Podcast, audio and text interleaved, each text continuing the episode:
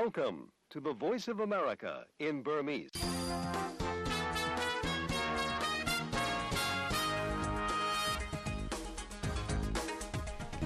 မင်္ဂလာမနက်ခင်းပါခင်ဗျာ2024ခုနှစ်ဖေဖော်ဝါရီလ28ရက်ဗုဒ္ဓနေ့မနက်ပိုင်း6နာရီကနေ9နာရီထိ VOA မြန်မာပိုင်းရဲ့ရုပ်သံအစီအစဉ်တွေကိုအမေရိကန်ပြည်ထောင်စုမြို့တော်ဝါရှင်တန် DC ကနေထုတ်လွှင့်ပေးပါတယ်။ ရေဒီယိုနဲ့ဆိုရင်လိုင်းဒိုမီတာ32 49နဲ့လိုင်းလက်မီတာ190ပြင် VOA ရဲ့ YouTube နဲ့ Facebook စာမျက်နှာတွေကလည်းကြီးစုနားဆင်နိုင်ပါတယ်ကျွန်တော်တမောင်သန်းပါ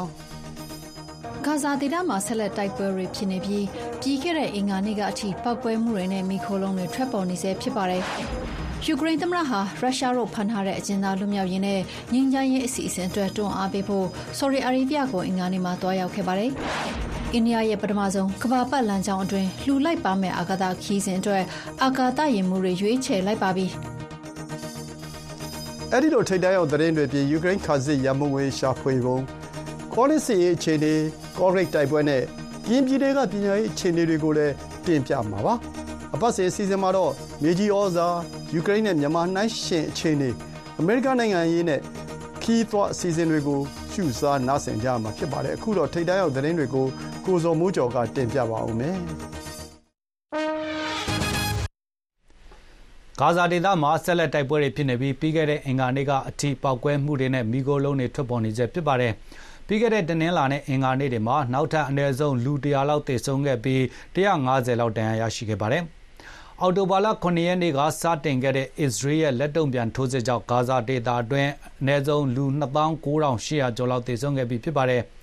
ကိုဝင်ဆောင်အမျိုးသမီးနဲ့ကလေးမိခင်တွေအပါအဝင်စုစုပေါင်းလူနာ24ယောက်ကိုခံယူနစ်မြို့မှာရှိတဲ့ဆေးရုံကနေပြောင်းရွှေ့ပေးခဲ့တယ်လို့ကုလသမဂ္ဂလူသားချင်းစာနာမှုဆိုင်ရာယုံ UN OCHA ရဲ့ပြောရေးဆိုခွင့်ရှိသူဂျင်းလဲယာခအင်္ဂါနေ့မှာပြောဆိုပါတယ်။ပြီးခဲ့တဲ့တနင်္ဂနွေနေ့တုန်းကဆေးရုံကလူနာတွေကိုအီဂျစ်ဘက်ကိုပို့ဖို့နဲ့ရာဖာဒေသတွင်းကဆေးရုံတွေအတွက်ပစ္စည်းတွေပေးပို့ဖို့ကိုအစ္စရေးတပ်တွေကတားဆီးခဲ့တဲ့အတွက်နိုင်ပေါင်းများစွာကြံ့ကြာခဲ့ရတယ်လို့ကုလသမဂ္ဂတာဝန်ရှိသူတွေကပြောဆိုပါတယ်။အင်္ဂါနေ့တုန်းကတော့ဂါဇာဘက်ကလာတဲ့ rocket တွေကိုအစ္စရေးဘက်ကကြားပြတ်ပစ်ချနိုင်ခဲ့တယ်လို့အစ္စရေးကပြောပါတယ်။ အစ္စရေးက ဒုက္ခသည်တွေခိုအောင်နေတဲ့ရာဖာဒေသကိုအင်အားပြည့်စစ်ဆင်ခဲ့ရင်တော့ ဒါဟာ ဂါဇာကို ကူညီပံ့ပိုးရေးအတွက် နောက်ဆုံးလမ်းပေါက်ပိတ်သွားလိမ့်မယ်လို့ တနင်္လာနေ့တုန်းက ကုလသမဂ္ဂအတွင်းရေးမှူးချုပ်က ပြောဆိုပါတယ်။သမရဂျိုးဘန်တင်ကတော့ လာမယ့်ရက်သတ္တပတ်အတွင်း အစ္စရေးဟာမတ်စ်အပြစ်ရနိုင်ပြီးကြန့်ရှိနေသေးတဲ့ဒဇာကန်တွေပြန်လည်လွတ်မြောက်မယ်လို့မျှော်လင့်တဲ့အကြောင်း တနင်္လာနေ့က ပြောဆိုခဲ့ပါတယ်။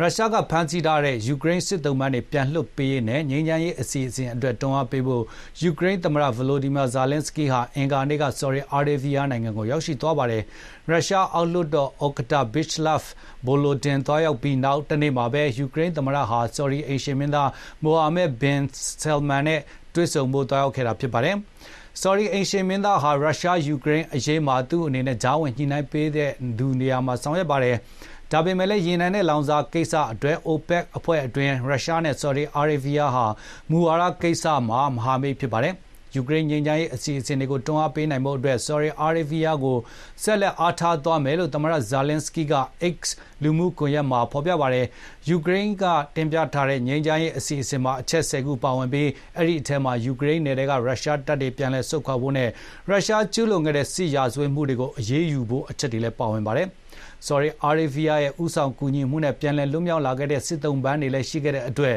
ဒီဆွေးနွေးပွဲဟာလည်းရလဒ်ကောင်းတွေထွက်ပေါ်လိမ့်မယ်လို့မျှော်လင့်တဲ့အကြောင်းသမ္မတဇာလင်စကီကပြောပါတယ်အခုလိုအချိန်မှာယူကရိန်းအရှေ့ဘက်ခြမ်းမှာရုရှားတပ်တွေကရှေ့ကိုတိုးလာနေပါတယ်။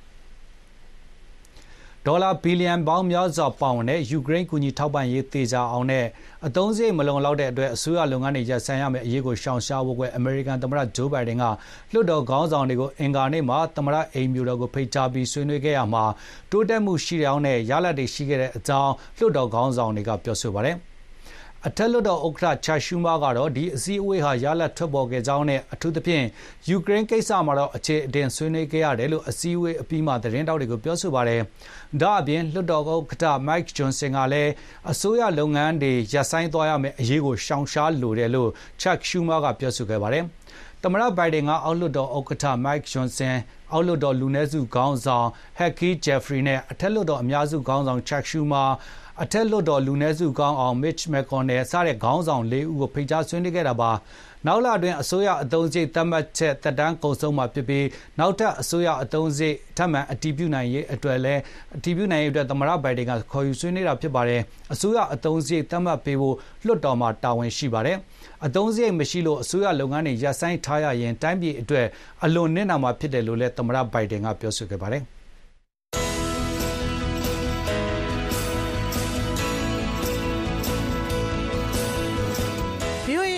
American တန်မနေ့ဖက်မြန်မာဘာသာအစီအစဉ်တွေကိုမနေ့6နာရီကနေ9နာရီထိလိုင်းဒိုမီတာ32 kHz 9335နဲ့9383ညလိုင်းဒိုမီတာ49 kHz 6153ညပထမနာရီဝက်မှာလိုင်းလက်မီတာ190 kHz 1505တို့ကနေပြီးထုတ်လွှင့်ပေးနေပါတယ်ရှင်။ဗုဒ္ဓဟူးမနေ့ဖက် VOA ရဲ့သတင်းတွေကိုဆက်လက်တင်ပြပေးနေပါတယ်။ ရခိုင်ပြည်နယ်အတွင်း ရခိုင်တပ်တော် AA နဲ့စစ်ကောင်စီတပ်တွေအကြား တိုက်ပွဲတွေဆက်လက်ပြင်းထန်နေပြီး စစ်ကောင်စီဘက်က လေကြောင်းကနေဘုံကျဲတိုက်ခိုက်တဲ့အတွက် စာတင်ကျောင်းနဲ့စေယုံတွေအပါအဝင်ရပ်ဖက်လူနေအဆောက်အဦတွေ ထိမှန်ခဲ့ပြီး ထိခိုက်ဒေဆုံးမှုတွေရှိတယ်လို့ ဒေသခံနဲ့ မျက်မြင်သက်သေတွေက ပြောဆိုကြပါတယ်။အင်္ဂါနေ့အစောပိုင်းက မင်းပြားမြို့နယ်တေကန်ကျေးရွာဘက်ကို စစ်ကောင်စီက ဂျက်တိုက်လေယာဉ်တွေနဲ့ တိုက်ခိုက်ခဲ့တဲ့အတွက် စာတင်ကျောင်းတစ်ကျောင်းအပါအဝင် လူနေအိမ်တွေထိမှန်ခဲ့ပြီး ဒါဇင်နဲ့ချီ ဒဏ်ရာရရှိသွားတယ်လို့ မျက်မြင်သက်သေတွေက ပြောဆိုပါတယ်။ ဒါအပြင်မင်းဖူးချေးရမှာလည်းဆေးရုံအပါဝင်နေအိမ်တွေထိမှန်ခဲ့ပါတယ်ဆေးဝင်ဆေးရုံဝန်ထမ်းတွေအပြင်းထန်ဒဏ်ရာရရှိခဲ့တယ်လို့ရခိုင်တပ်တော် AA ကထုတ်ပြန်ထားပါတယ်မြင်းပြမြို့နယ်အတွင်းမှာရှိတဲ့စစ်ကောင်စီတပ်စခန်းတော်တော်များများကိုရခိုင်တပ်တော်ကတင်ပိတ်ထားပြီးအခုနောက်ဆုံးအမှတ်6တိုင်းလေးကျင်ရေးကျောင်းကိုရခိုင်တပ်တော်ကတင်ပိတ်ဖို့ထိုးစစ်ဆင်နေပါတယ်ဒီတိုက်ပွဲတတိနေနဲ့ပတ်သက်ပြီးတော့စစ်ကောင်စီဘက်ကတော့အတီးပြုထုတ်ပြန်တာမျိုးမရှိပါဘူးအခုလိုအချိန်မှာပဲထိုင်းဒုတိယနိုင်ငံခြားရေးဝန်ကြီးစီယာဆတ်ဖန်ခိုးက မြန်မာနိုင်ငံကပဋိပက္ခတွေအတွက်အိန္ဒိယနဲ့ထိုင်းအကြားမဟာဗျူဟာမြောက်အလင်းမြန်ပူးပေါင်းဆောင်ရွက်ဖို့လိုနေပြီလို့ပြီးခဲ့တဲ့ရက်ကအိန္ဒိယနိုင်ငံကိုရောက်ရှိနေစဉ်တိုက်တွန်းပြောကြားခဲ့ပါတယ်မြန်မာနိုင်ငံမှာစစ်မှုမထမ်းမနေရဥပဒေအသက်သွင်းလိုက်ပြီးနောက်ထောင်ထဲချီတဲ့မြန်မာလူငယ်တွေဟာထိုင်းနိုင်ငံဘက်ကိုဝင်ရောက်ဖို့ကြိုးပမ်းနေကြပါတယ်အမေရိကန်ပြည်ထောင်စုနဲ့တရုတ်ပြည်သူ့သမ္မတနိုင်ငံအကြားသိပ္ပံနဲ့နည်းပညာဆိုင်ရာသဘောတူညီချက်ဟာအင်္ဂါနေ့မှာကုန်ဆုံးသွားပြီဖြစ်ပါတယ်။ ဒီသဘောတူညီချက်ကိုတိုးချက်ပြင်ဆင်ဖို့ဆွေးနွေးညှိနှိုင်းနေပေမဲ့လည်းဆွေးနွေးချက်အသေးစိတ်အပြင်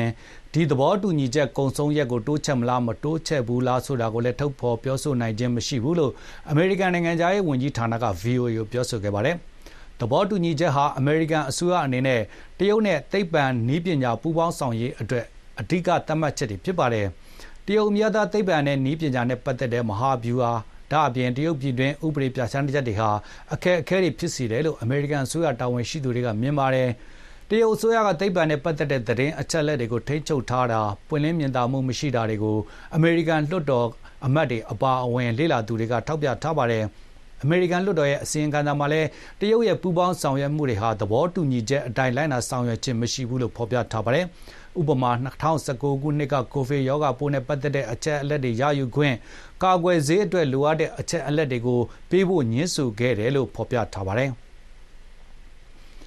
အိန္ဒိယရဲ့ပထမအဆုံးကဘာပတ်လမ်းကြောင်းအတွင်းလူလိုက်ပါမဲ့အာကာသခရီးစဉ်အတွက်အာကာသယာဉ်မှုတွေကိုရွေးချယ်လိုက်ပြီးအင်္ဂါနေ့တုန်းကဝန်ကြီးချုပ်မိုဒီကသူတို့ရဲ့အမည်တွေကိုထုတ်ဖော်ကြေညာခဲ့တယ်လို့အာကာသယာဉ်မှုတွေနဲ့ပါတွေ့ဆုံခဲ့ပါတယ်။ဝန်ကြီးချုပ်မိုဒီဟာတောင်ပိုင်းခီယာလာပြည်နယ်မှာရှိတဲ့ Vikransirabai အာကာသစခန်းကိုတွားရောက်လက်ပတ်ခဲ့ပြီး Archit Krishnan Pranayara Gangat Pratat ရှန် ဟန်ရှူကလာတို့ကအာကာသယာဉ်မှုတွေအဖြစ်ရွေးခဲ့တဲ့အကြောင်းလေ့ကျင့်ပေးနေတဲ့အကြောင်းတွေကိုထုတ်ဖော်ပြောဆိုခဲ့ပါတယ်။တင်တို့အားလုံးဟာအနာဂတ်ရဲ့တကားတွေကိုဖွင့်လှစ်ပေးလိုက်သူတွေဖြစ်တယ်လို့လည်းဝန်ကြီးချုပ်မိုဒီကပြောဆိုခဲ့ပါတယ်။အမေရိကန်1ဘီလီယံဒေါ်လာ1ဘီလီယံကျော်ကုန်ကြတဲ့ဂါကညံအာကာသခီးစဉ်အတွင်းအာကာသယာဉ်ကို2025ခုနှစ်မှာကမ္ဘာပတ်လမ်းကြောင်းအတွင်းလွှတ်တယ်မှာဖြစ်ပြီးအာကာသယာဉ်မှုတွေဟာ3ရက်ကြာလေ့လာစူးစမ်းမှုတွေပြုလုပ်မှာဖြစ်ပါတယ်။ အဲဒီနောက်အိန္ဒိယပိုင်ရေပိုင်တဲ့အတွင်းပြန်လည်ဆင်းသက်မှာဖြစ်ပါတယ်။အိန္ဒိယဟာအာကာသစခန်းကို2034ခုနှစ်မှာစတင်မှာဖြစ်ပြီးလာမယ့်2040ခုနှစ်မှာလကဘာကိုအာကာသယာဉ်မှုတွေဆင်လွှတ်မယ်လို့ဝန်ကြီးချုပ်မိုဒီကကြေညာထားပါတယ်။ Direct from Washington, the voice of America, VOA. နောက်ဆုံးအသတင်းတွေကိုကိုစော်မိုးကျော်ကြီးညာပေးခဲ့တာပါ ပြည်တွင်းသတင်းဆောင်ပါတွေကိုမသွားမီမှာနိုင်ငံခြားသတင်းဆောင်ပါနဲ့စကြပါတယ်ယူကရိန်းစစ်ပွဲနှစ်နှစ်တာကာလအတွင်းယူကရိန်းပြည်သူတွေဟာသူတို့စစ်တပ်ကိုထောက်ပံ့နိုင်ဖို့အတွက်ပုံစံအမျိုးမျိုးနဲ့ငွေကြေးရန်ပုံငွေတွေရှာခဲ့ကြပါတယ်စီးပွားရေးအကျပ်အတည်းတွေရှိနေတဲ့တိုင်အောင်ငွေကြေးထောက်ပံ့တာတွေကတော့လျော့ကျမသွားခဲ့သလိုနည်းလမ်းသစ်သုံးပြီးရန်ပုံငွေရှာဖွေတာတွေဆက်လက်လုပ်ဆောင်နေကြတဲ့အကြောင်းယူကရိန်းနိုင်ငံ Kyiv မြို့တော်ကနေ Ligia Bekalets ပေးပို့တဲ့သတင်းကိုမခင်ဖြူထွေးကပြောပြပေးပါမယ်။ မြန်မာနိုင်ငံမှာစစ်တပ်အာဏာသိမ်းမှုနောက်ပိုင်းပေါ်ပေါက်လာတဲ့ပြည်သူ့ကာကွယ်ရေး PDF တပ်ဖွဲ့တွေကိုပြည်တွင်းပြည်ပကမြန်မာတွေဝိုင်းဝန်းကူညီပံ့ပိုးကြသလိုပဲယူကရိန်းကျူးကျော်စစ်ကိုပြန်လည်ခုခံနေတဲ့ယူကရိန်းစစ်တပ်ကိုယူကရိန်းပြည်သူတွေကလှူအားငွေရအလုံးရင်ပံ့ပိုးကူညီပေးနေကြတာပါယူကရိန်းစစ်တပ်ရဲ့စည်ရင်တွေအရစစ်ပွဲစတင်ပြီးပထမတစ်နှစ်ခွဲအတွင်းစစ်တပ်အတွက်ပြည်သူတွေရဲ့လူဒန်းငွေဟာဒေါ်လာသန်း2500ကျော်ရှိပါတယ်။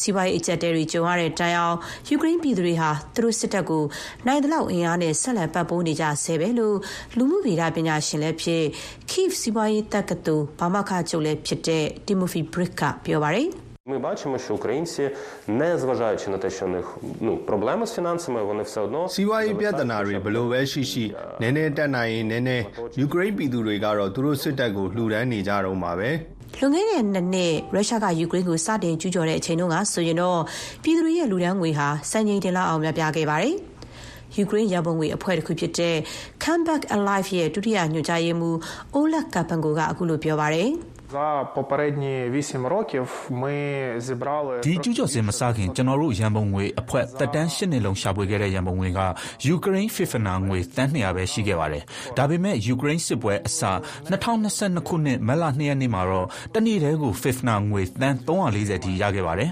။ Comeback Alive အဖွဲ့ဟာယူကရိန်းစစ်တပ်ကိုကူညီပေးနေတဲ့အကြီးဆုံးရန်ပုံငွေအဖွဲ့ကြီးတွေကတစ်ခုဖြစ်ပါတယ်။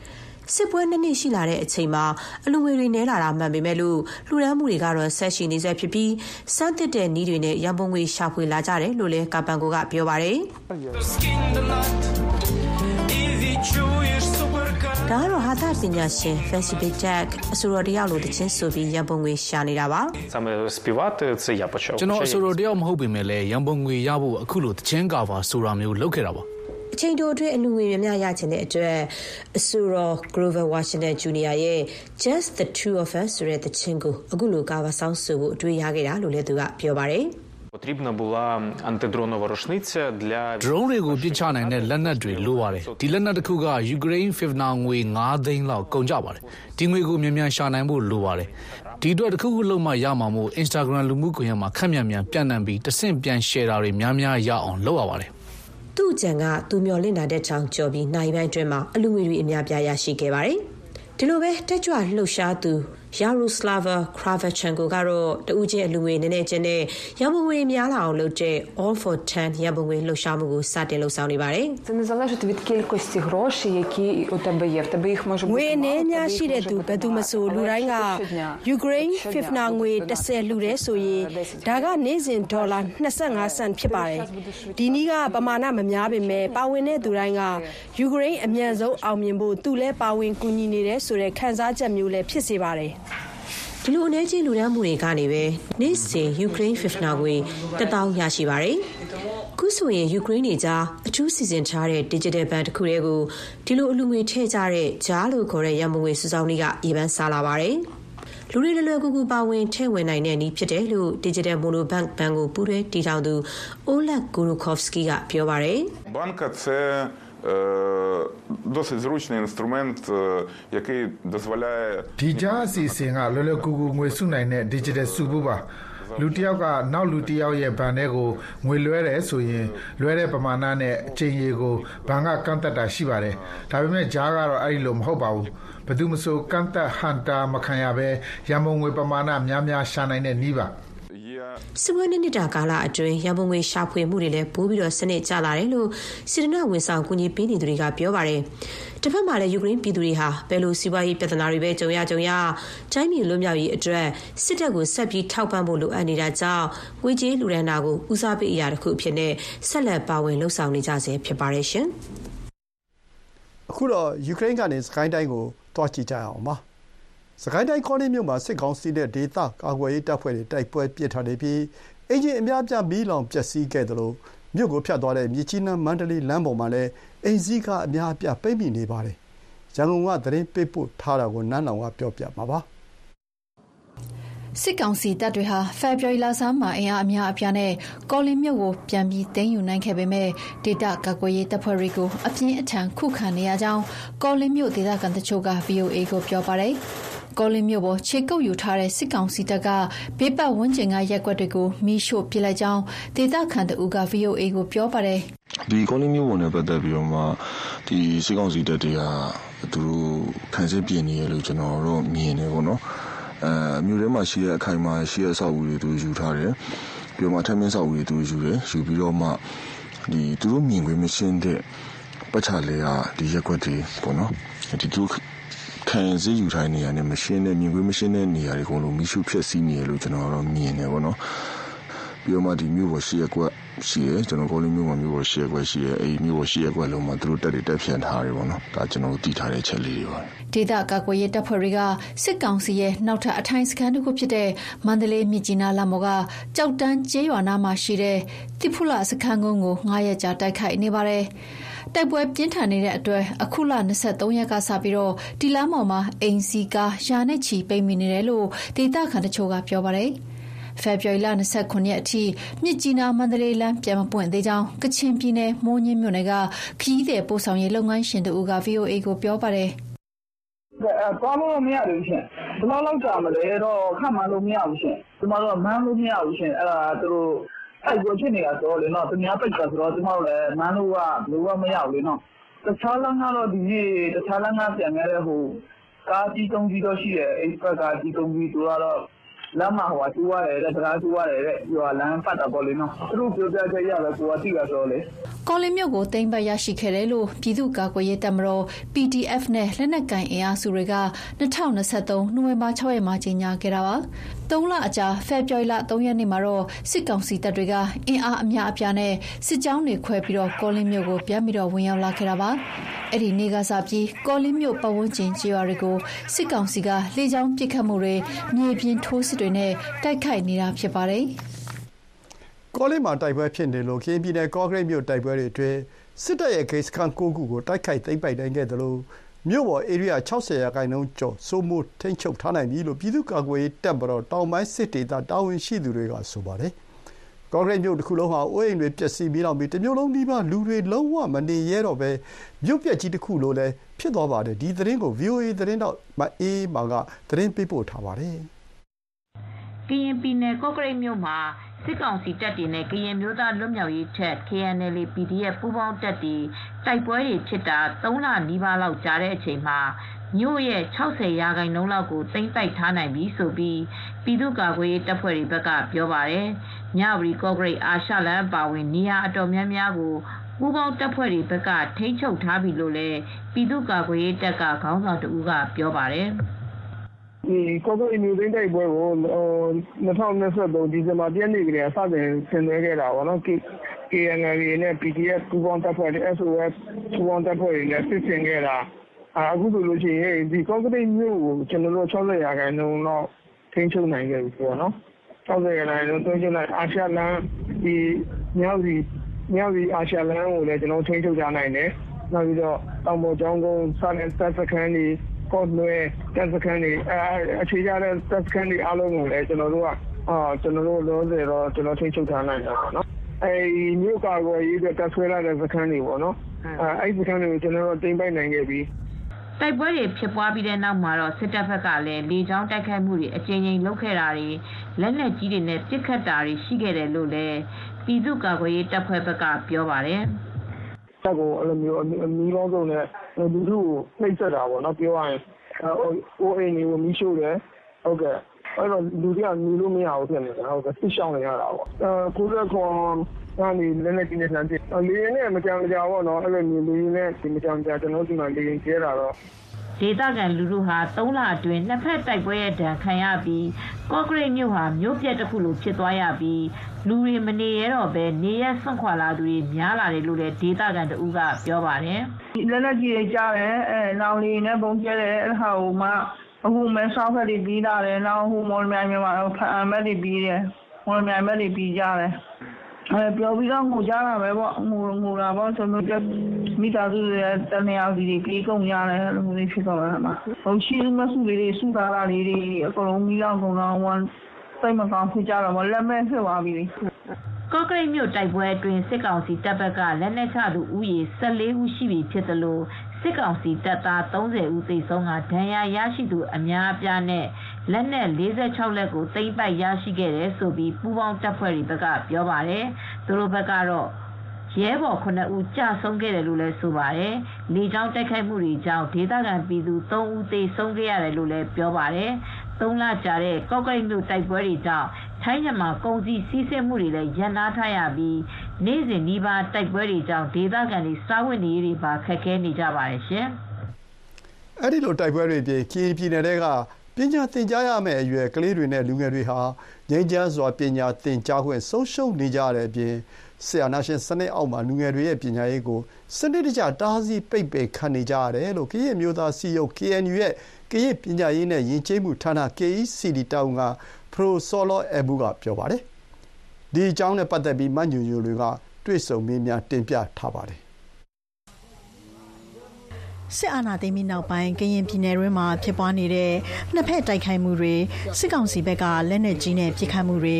လေရင်နဲ့ဘုံကျဲတိုက်ခိုက်မှုတွေကြောင့်ဒေသခံတွေစစ်ဘေးရှောင်ထွက်ပြေးနေရတဲ့အတွက်ကလေးတွေနဲ့လူငယ်တွေရဲ့ပညာရေးတွေမှာထိခိုက်မှုတွေအများကြီးဖြစ်လာရတယ်လို့ KNU ရဲ့ကရင်ပညာရေးနဲ့ယဉ်ကျေးမှုတာဝန်ခံဖရိုစောလောအမှုကပြောပါတယ်အထူးသဖြင့်ဒီမြောက်ပိုင်းခရိုင်နဲ့ဒီဒုပလာရခရိုင်မှာကြတော့အော် တော်တော်များများကျောင်းတွေရွာထဲမှာကျွန်တော်တို့မနေရတော့တာရှိတယ်တောထဲမှာပဲပုံးဆောင်ပြီးတော့မှယာယီစံတင်ကျောင်းမျိုးဒီဟိုစားတောထဲမှာအော်သင်ရတယ်မျိုးရှိတယ်အဲ့ဒီမှာတော့ခုန quality education ကျွန်တော်ကျွန်တော်တို့ကောင်းကောင်းရနိုင်ဖို့အတွက်ကျွန်တော်တို့မလုပ်နိုင်ဘူးပေါ့လေနော်။ဘာဖြစ်လဲဆိုတော့ခုနလိုမျိုးပဲဒီကျွန်တော်သတ်မှတ်ထားတဲ့စာစာသင်ခြင်းအာကျွန်တော်တို့ဒီအရင်တော့ကသတ်မှတ်ထားတဲ့စာသင်ခြင်းအထက်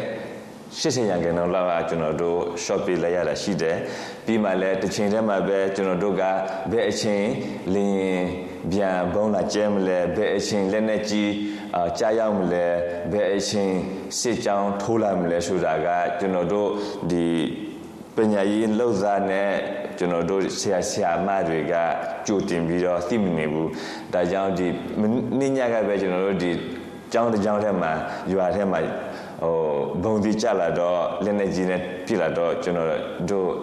ဆရာတရားတောင်ထိသေးတယ်ပြီးခဲ့တဲ့ပတ်လေခုနဒီအာရွာထဲမှာလက်နေကြီးကြတော့ကျွန်တော်ကျောင်းသူကျောင်းသားနှစ်ယောက်ဆရာဆရာမပါဝင်ဟို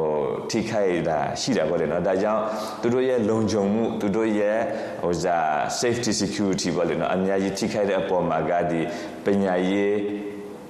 quality ပေါ့အာကျွန်တော်တို့အဲ့ဒီဘိုင်းမှာဟို ဇာလို့သွားလို့မြောက်ပါနဲ့နော်ရွာထဲမှာနေ့လည်ခင်းမှာစာပြန်လာတင်တယ်ညနေမှာကြတော့တောထဲမှာပြန်အိပ်ရတယ်ဥမာဖြစ်ဒါပေမဲ့နောက်ပိုင်းမှာကြတော့အဲ့လိုမျိုးလည်းမရတော့ပြန်ဘူးအော်အဲ့ဒီအပေါ်မှာကဥမာဖြစ်ညနေ6နာရီဆိုရင်မိမထွန်ရတော့ဘူးဟိုဘာမှမလုပ်ရတော့ဘူးအဲတော့ကျဲလိုမျိုးဝတ်နေရတဲ့အနေအထားမှာကကလေးတွေစာဘယ်လိုဖတ်မလဲ အခုလိုဒေတာတွင်းမှာစစ်ဖြစ်နေတာကြောင့်မိဘတွေအနေနဲ့လည်းစီးပွားရေးအခက်အခဲတွေဖြစ်လာပြီးကလေးတွေရဲ့ပညာရေးအတွေ့အထောက်အကူတွေမပေးနိုင်တာကလည်းအခက်အခဲတစ်ခုပါပဲလို့ဆိုပါတယ်အာနာသိမှုမတိုင်ဘူးပေါ့နော်ကျွန်တော်တို့အာမဒီသားမှာစီးပွားရေးအခြေအနေသိမကောင်းတော့ညာလေခွနဲ့မြင်တည်ငြိမ်မှုအနေအထားရှိတော့မိဘတွေကအလောက်အကန်ရှိတယ်အဲ့ဒီအပေါ်မှာ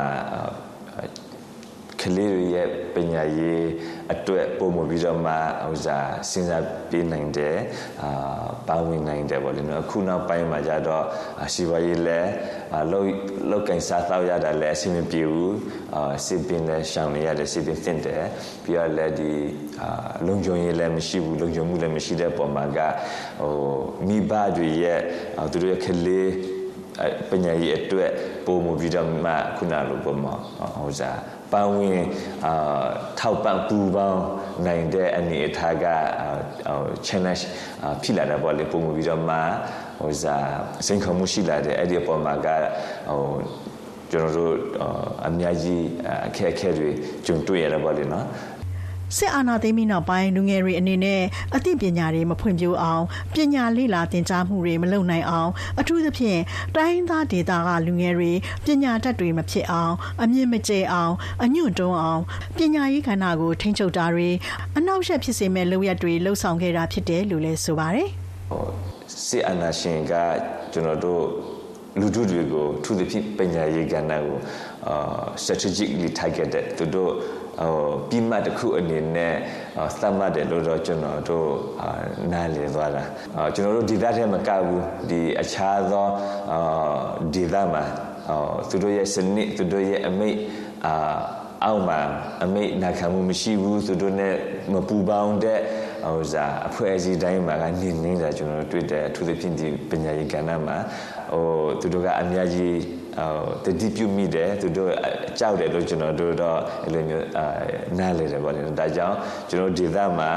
အညွတ်တွန်းအောင်ပေါ့သူတို့ကမတော်လန်နိုင်ဘူးသူတို့ကမပုံကန်နိုင်ဘူးသူတို့အမြင်မမမကျေလာဘူးပေါ့ပညာရေးကို target လုပ်ပြီးတော့မှဟိုအခွင့်အရေးမရအောင်ကြိုးစားတယ်တစ်ဖက်မှာလည်းဒီကျွန်တော်ဒေသမှာဒုစရိုက်တွေများလာအောင်သူတို့ကြိုးစားတယ် အာသူတို့ပြင်ဒီလောင်ဝဇာတို့မူရေးစေဝါတို့အဲ့ဒီကိစ္စတွေကဟောဝင်လာတာကျွန်တော်တို့တွေ့ရတယ်ဒါဟောရည်ရွယ်ချက်ရှိရှိကျွန်တော်တို့တိုင်းရင်းသားသူတွေကိုဟိုဇာပြည့်စည်အောင်ပြီးတော့သူကျွန်တော်တို့တိုင်းရင်းသားတွေခုနပညာရေးအာမရအောင်သူတို့ကိုမပုံကပုံကံဖို့အချိန်မရှိအောင်အော်စူးစမ်းတယ်လို့ပဲကျွန်တော်တို့ကအာနားလဲတယ် ဒါကြောင့် KECD အနေနဲ့ကတော့ကရင်ပြည်နယ်ရင်းမှာတိမ့်တဲ့ချီရှိနေတဲ့ပညာသင်ကြားရမယ့်အရွယ်ကလေးငယ်တွေနဲ့လူငယ်တွေအတွက်ရွေးရှားပညာသင်ကြားရတဲ့နည်းလမ်းတွေကိုသုံးပြီးအတက်နိုင်ဆုံးပညာရေးအစစ်မပြတ်အောင်သင်ကြားမှုတွေပြုလုပ်ပေးနေကြပါတယ်လို့လည်းဖရူစောလောအမှုကပြောပြခဲ့ပါတယ်ရှင်။ကျွမ်းညညလွင်ပါ VOA ကထုတ်လွှင့်ထားတဲ့ထိပ်တန်းရောက်မြန်မာနဲ့နိုင်ငံတကာသတင်းတွေကို VOA အင်တာနက်စာမျက်နှာမှာလည်းစာသားနဲ့လည်းဖတ်ရှုနိုင်ပါတယ်။ အခုတော့နောက်ဆုံးသတင်းဆောင်းပါးဖြင့်ငလျင်အကြောင်းတင်ပြချင်ပါတယ်။ Texas Tech တို့ကသုတေသပညာရှင်တွေဟာဉာဏ်ရည်တုနည်းပညာ AI ကိုသုံးပြီးငလျင်လှုပ်နိုင်ခြေခန့်မှန်းချက်တွေပိုကောင်းလာအောင်ကြိုးစားနေကြပါတယ်။အမေရိကန်နိုင်ငံတက္ကဆက်ပြည်နယ်မြို့တော်အော်စတင်ကနေ VOA သတင်းထောက် Dean Mitchell သတင်းပေးပို့ထားတာကိုဒေါက်ခင်မျိုးသက်ကတင်ပြပေးမှာပါ။ ကမ္ဘာတလွှားမှာပျက်စီးမှုကြီးမားတဲ့ငလျင်တွေလှုပ်ခဲ့ပေမဲ့ဘယ်သူမှကြိုးပြီးမသိခဲ့ကြဘူးလို့အော်စတင်မှာရှိတဲ့ Texas တက္ကသိုလ် UT ကဘူမိရူပဗေဒပါမောက္ခ Sergey Fomel ကပြောပါတယ် predicting earthquakes is တကယ်တော့မြေငလျင်ပညာရပ်မှာငလျင်တွေကိုကြိုတင်ခံမှန်းဖို့ဆိုတာအားလုံးကြိုးပမ်းနေတဲ့ကိစ္စပါလွန်ခဲ့တဲ့နှစ်ပေါင်း100ကျော်လောက်ကတည်းကစ조사နေကြတာပါ UT သုတေသနအဖွဲ့ဟာလွန်ခဲ့တဲ့နှစ်နှစ်အတွင်းလှုပ်ခတ်ခဲ့တဲ့ငလျင်ဆိုင်ရာအချက်လက်တွေနဲ့ AI နည်းပညာကိုသုံးပြီးအပျက်အစီးများတဲ့ငလျင်တကယ်လှုပ်မဲ့အခြေအနေကိုကြိုတင်ပြီးခန့်မှန်းဖို့အတွက်တဘာဝနဲ့ရှင်ပြီးပုံစံထုတ်ခဲ့ကြတာဖြစ်ပါတယ်။အဖွဲ့ခေါင်းဆောင်ဖြစ်တဲ့ UT တက္ကသိုလ်စီးပွားရေးဘူမိဗေဒဌာနကလက်ထောက်ပါမောက္ခရန်ကင်ချန်းကတော့ဒီပြိုင်ပွဲမှာသူတို့နိုင်ပါတယ်တဲ့။ငရင်လှုပ်မှာကိုရောဘယ်နေရာမှာလှုပ်မယ်ဆိုတာနဲ့ပြင်းအားအပါအဝင် ဒီငရင်တွေနဲ့ပတ်သက်ပြီးရာခိုင်နှုန်း80လောက်တိတိကျကျခံမှန်းနိုင်ခဲ့တယ်လို့လည်းပြောပါတယ်။ Because of the the competition, we have a, a ဘာကြောင့် very လဲဆို good တော့ data ဒီ set ပြိုင်ပွဲ and the မှာ test ကျွန်တော်တို့က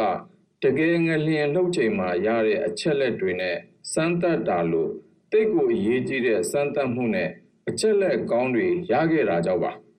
အခုရခဲ့တဲ့ AI model မှာခံမှန်းချက်အတွက်အချက်လက်တွေကိုထည့်ပေးပြီးပုံစံထုတ်ရပါတယ်။ ဒါကိုလူသားတွေလုပ်ဖို့အတွက်အတော်ခက်တယ်လို့လည်းချမ်းကပြောပါတယ်။ UT ဖွဲ့နဲ့လက်တွဲပြီးလှုပ်ဆောင်နေတဲ့ Texas ပြည်နယ်ငလျင်တိုင်းတာရေးကွန်ရက် TexNet ကစုံစမ်းစစ်ဆေးမှု Alexandra Safari Dick ကတော့ We could identify which are the parameters of the ground င model. လျင်မလောက်ခင်မှာမြေပြင်လှုပ်ရှားမှုဒါမှမဟုတ်လျှက်စစ်တန်လိုက်ဓာတ်တိုင်းတဲ့စနစ်မှာတွေ့ရတဲ့အပြောင်းအလဲတွေကိုစစ်ဆေးနိုင်ပါတယ်။ဒါကြောင့်အဲ့ဒီမှာအပြောင်းအလဲတွေတွေ့မယ်ဆိုရင်တော့ ငလျင်လှုပ်တော့မယ်ဆိုတာကိုခန့်မှန်းနိုင်ပါတယ်တချို့ငရင်လေးတွေလှုပ်မယ်ဆိုတာကိုသတင်းတစ်ပတ်လောက်ကြိုးပြီးခံမှန်းနိုင်ပေမဲ့အများစုကိုတော့လှုပ်ခါနီးမှပဲပြောနိုင်တယ်လို့သူတို့အဖွဲ့ကပြောပါတယ် The most accurate prediction may come just တိတ်တိ immediately. ကျတဲ့ခံမှန်းချက်ကိုတော့လောက်ခါနီးမှပဲခံမှန်းနိုင်မှာပါဒါပေမဲ့ကနဦးသတိပေးချက်စနစ်အတွက်တော့ငလျင်မလောက်ခင်ကလေးမှာပဲသတိပေးဖို့လုံလောက်တဲ့အချိန်ရှိပါတယ်သူတို့အဖွဲ့ဟာ နောက်မှလှုပ်မဲ့ငရင်တွေကိုခံမှန်းနိုင်ဖို့အတွက်ပထဝီအနေအထားအမျိုးမျိုးမှာလှုပ်ခဲ့တဲ့ငရင်ဆိုင်ရာအချက်လက်တွေကိုသုံးပြီးစမ်းသပ်မှုတွေလုပ်နေပါတယ်မသေးချာမရေရာမှုတွေနဲ့ပြည့်နှက်အပြောင်းအလဲတွေများတဲ့ကဘာကြီးမှာကျမတို့ကြားသလိုမြင်သလိုဖြစ်မလာတဲ့အခါအမှန်တရားကိုရှာဖွေကြရပါတယ်။ တည်င်းကိုတပိုင်းတစပဲကြားသိရတဲ့အခါအယုတ်အကြီးမဲ့သွားနိုင်ပါတယ်။အချက်အတဲကာလတွေမှာကျမတို့ရဲ့အိမ်မက်တွေမျောလင်းချက်တွေပိုကောင်းတဲ့မနှက်ဖြန်တွေကိုတောင်းတမိတာတွေကတည်င်းလွတ်လပ်ခွင့်ပေါ်မှာမူတည်နေပါတယ်။ကျမတို့ VOA ကအန်ဒီရဲ့ဂျားကတည်င်းတွေကိုတင်ဆက်ပေးနေပါတယ်။ ကဘာကြီးနဲ့ချိတ်ဆက်ပေးပြီးအမှန်တရားကိုစောင့်ကျင်းပေးနေပါတယ်။ VOA American အတန်းကတည်င်းမှန်တွေကိုဗတ်ပေါင်းစုံကတင်ပြပေးနေပါတယ်ရှင်။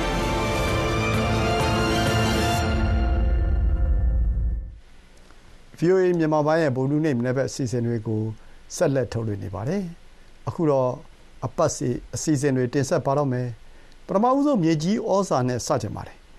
မြန်မာနိုင်ငံမှာစံဈေးစီဈေးတွေအသားငါးဈေးတွေခေါင်ခိုက်အောင်ဈေးတက်နေပေမဲ့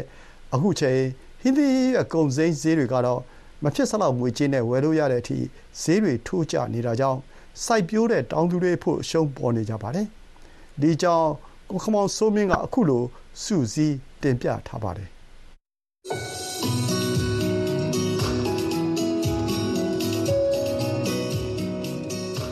န်မာနိုင်ငံမှာစံဈေးစီဈေးတွေအသားငါးဈေးတွေခေါင်ခိုက်အောင်ဈေးတက်နေပေမဲ့အခုအချိန်ရာသီပေါ်ဟင်းသီးဟင်းရွက်ဈေးတွေကတော့မဖြစ်စလောက်ငွေကြေးလေးနဲ့တင်ဝယ်လို့ရတဲ့အထိဈေးတွေထိုးကျနေပါတယ်။အဲ့ဒီအတွက်ဟင်းသီးဟင်းရွက်စိုက်ပျိုးတဲ့တောင်သူတွေဟာလုံးလုံးနီးပါးအရှုံးပေါ်နေကြပါတယ်။တောင်သူလယ်သမားတွေဟာပုံမှန်အားဖြင့်ပင်မစိုက်ပျိုးသီးနှံပေါ်ပြီးနောက်စောင်းသီးနှံအဖြစ်ဟင်းသီးဟင်းရွက်ကုံစိမ်းကိုအချိန်တိုတိုအတွင်းစိုက်ပျိုးနိုင်ကြပါတယ်။ အထူးသဖြင့်မြစ်ရေချောင်းရေကျပြီးတောင်ထွန်းတဲ့မြေနုကျွန်းတွေပေါ်မှာဆိုရင်ဟင်းသီးဟင်းရွက်တွေကိုစိုက်ပျိုးရာမှာအလွယ်တကူအောင်မြင်ကြပါတယ်။ဒါပေမဲ့လည်းအခုအချိန်မှာအဆအဆစိုက်ပျိုးစရိတ်တွေဈေးကြီးနေတဲ့အတွက်ထွက်ရှိလာတဲ့ဟင်းသီးဟင်းရွက်ကုံစိမ်းတွေရဲ့ဈေးကမဖြစ်စလောက်အထိထိုးကျသွားတော့တချို့တောင်သူတွေဆိုရင်စိုက်ခင်းထဲမှာဒီအတိုင်းပစ်ထားတာရှိသလိုတချို့ကလည်းကျွဲနွားတလိษံတွေကိုကျွေးကုန်ကြပါတယ်။ အဲ့ဒီလိုခရမ်းကျင်သည်ပန်းမုံလာနဲ့ ဂေါ်ဖီအပါအဝင် ဟင်းသီးဟင်းရွက်ဈေးတွေ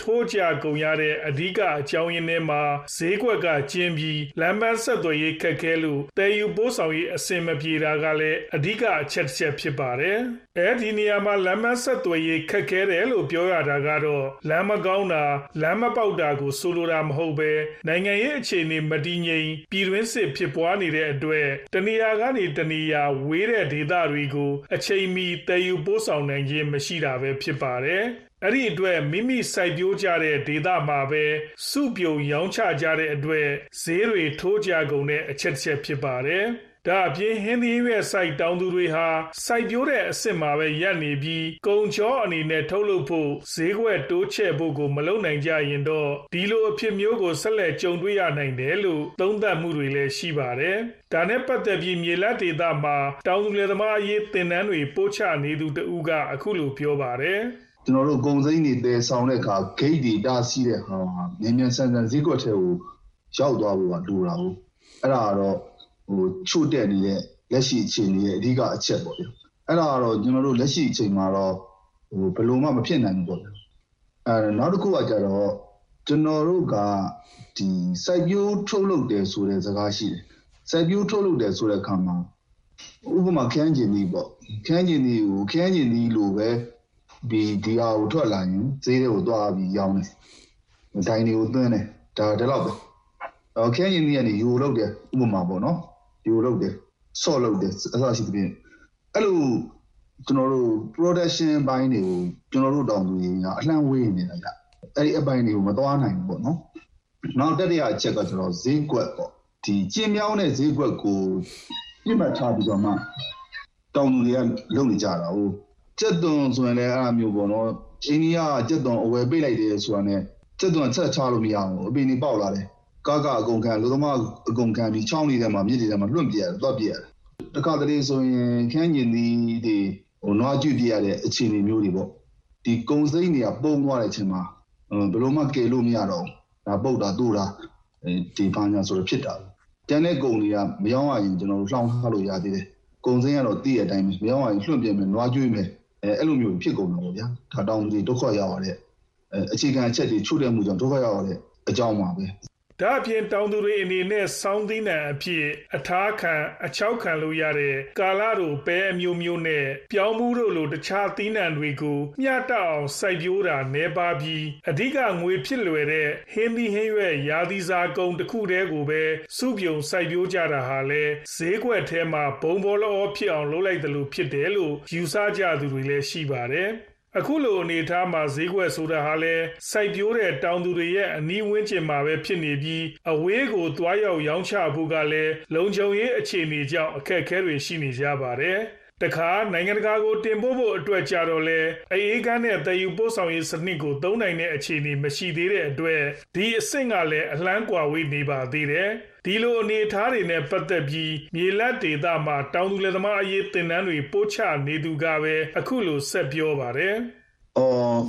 ကုံစိမ်းစိုက်တာတော့တောင်သူလယ်သမားတွေကုံစိမ်းရတော့အပြစ်တော့မဟုတ်ပါဘူးဗျာတကယ်တမ်းကျတော့သူတို့စိုက်ချင်ပါပဲလေကုံစိမ်းကသူကငွေပေါ်တာကြတော့မြန်တာဟုတ်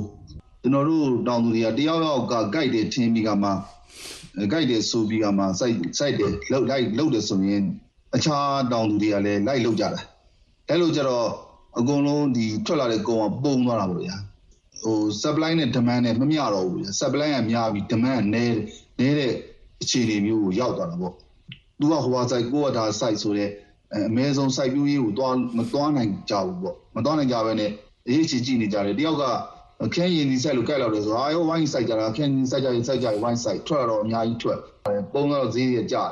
အဲအဲ့လို အဲ့ဒီတန်ကိုခံရတာဒါတန်တရားလဲနေတဲ့ပြဿနာပါပဲတဲ့ဟာတကယ်တော့တောင်သူလယ်သမားတွေရဲ့အရေးကိစ္စနဲ့ပတ်သက်ရင်လွတ်လပ်တဲ့တောင်သူလယ်သမားအဖွဲ့အစည်းတွေဖွဲ့စည်းလှုပ်ရှားခွင့်လိုအပ်ပါတယ်။ ဒါမှသာအဲ့ဒီအဖွဲ့အစည်းတွေကအစိုးရကိုအကြံဉာဏ်တွေပေးနိုင်တယ်လို့ဈေးကွက်ရှာပေးတာကုန်သည်တွေကုမ္ပဏီတွေနဲ့ပူးပေါင်းဆောင်ရွက်ဖို့ဘောင်းကူပေးတာတွေအပါအဝင် တောင်သူလယ်သမားတွေရဲ့အကျိုးစီးပွားကိုအကာအကွယ်ပေးမြင့်တင်တာတွေလှုံ့ဆော်နိုင်မှာဖြစ်ပါတယ်အခုအချိန်လိုစစ်အာဏာသိမ်းထားတဲ့ကာလမှာတော့တခြားအင်အားစုတွေလိုပါပဲတောင်သူလယ်သမားအဖွဲ့အစည်းတွေလည်းလွတ်လပ်စွာရပ်တည်ခွင့်လှုပ်ရှားခွင့်မရကြပါဘူးဒါကြောင့်အစိုးရကလည်းအာမပေးအဖွဲ့အစည်းဖွဲ့ခွင့်လည်းမရကြတော့တောင်သူလယ်သမားတွေရဲ့ဘဝဟာတိုးတက်မလာနိုင်ဘူးလို့အဆိုပါတောင်သူလယ်သမားအရေးသင်တန်းပို့ချပေးနေသူကပဲပြောပါတယ်။တောင်သူတွေတက်ညီလက်ညီလုပ်တယ်တောင်သူလယ်သမားအဖွဲ့အစည်းတွေကလည်းနိုင်ငံရေးအခြေအနေတွေအရမဖွဲ့စည်းနိုင်ဘူးအားကောင်းအောင်မလုပ်နိုင်ဘူး။အဲ့ဒါတွေကြောင့်တောင်သူတွေဟာနလန်မထူဘဲနဲ့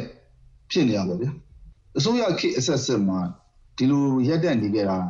ဟိုခုနပြောတဲ့လိုအပ်ချက်တွေကိုမဖြည့်ဘဲနဲ့တောင်းသူဘဝဟာတိုးကိုမတိုးတက်နိုင်ဘူးဆိုတာကိုကျွန်တော်ဒိဋ္ဌပြောလို့ရတယ်။တောင်းသမားအဖွဲ့အစည်းတွေမထူထောင်နိုင်မဲနဲ့ဒီဒီကိုသူတို့ထွက်လာတဲ့သိနိုင်တွေကိုဒီ production ဘက်ကိုမသွားနိုင်ဘဲနဲ့ marketing တွေကိုကိုကိုယ်တိုင်ရောင်းရင်းဝယ်တာတွေကိုတောင်းသူတွေကိုယ်တိုင်ဆောင်ရွက်နိုင်ဘဲနဲ့ပေါ့ဗျာ။နောက်အစိုးရက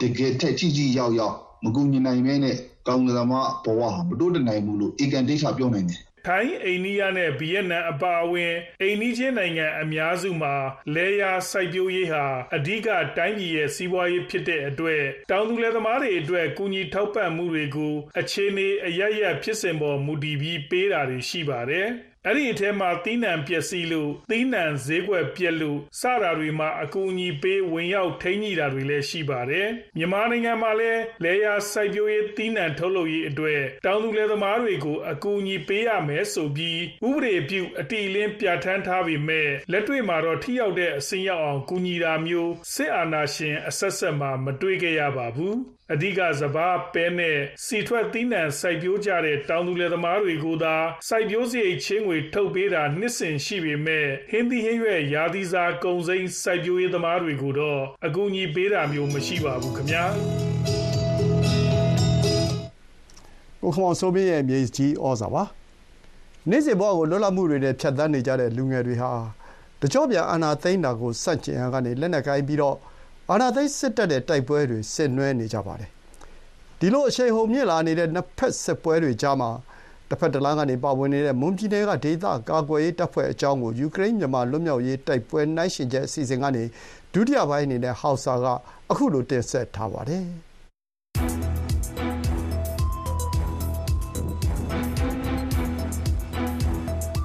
ပြီးခဲ့တဲ့အပတ်ကမွန်ပြည်နယ်အောက်ပိုင်းဒေသတွေမှာစစ်ရေးလှုပ်ရှားနေတဲ့မွန်ဒေသကာကွယ်ရေးတပ်ဖြစ်တဲ့ရေးဘလူးရဲ့တော်လှန်ရေးခေါင်းဆောင်နဲ့ဆက်သွယ်မေးမြန်းထားတာကိုထုတ်လွှင့်ပေးခဲ့ပြီဖြစ်ပါတယ်။အခုဒုတိယပိုင်းကိုဆက်လက်နားဆင်ကြအောင်ဗျာ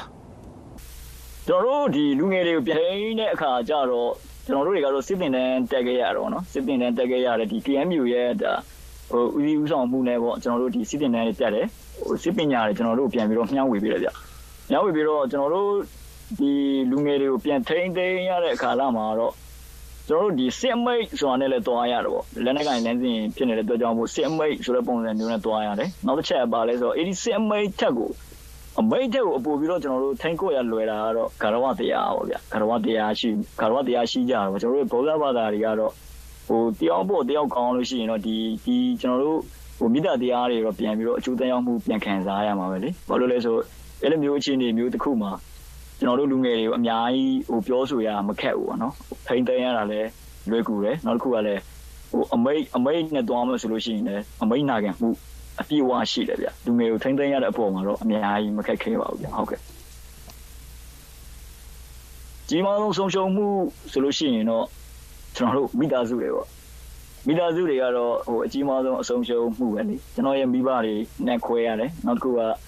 ဟိုအမေကလည်း ပြောမဆိုအသက်အရွယ်ကရတယ်အသက်အရွယ်ရတယ်ဆိုတော့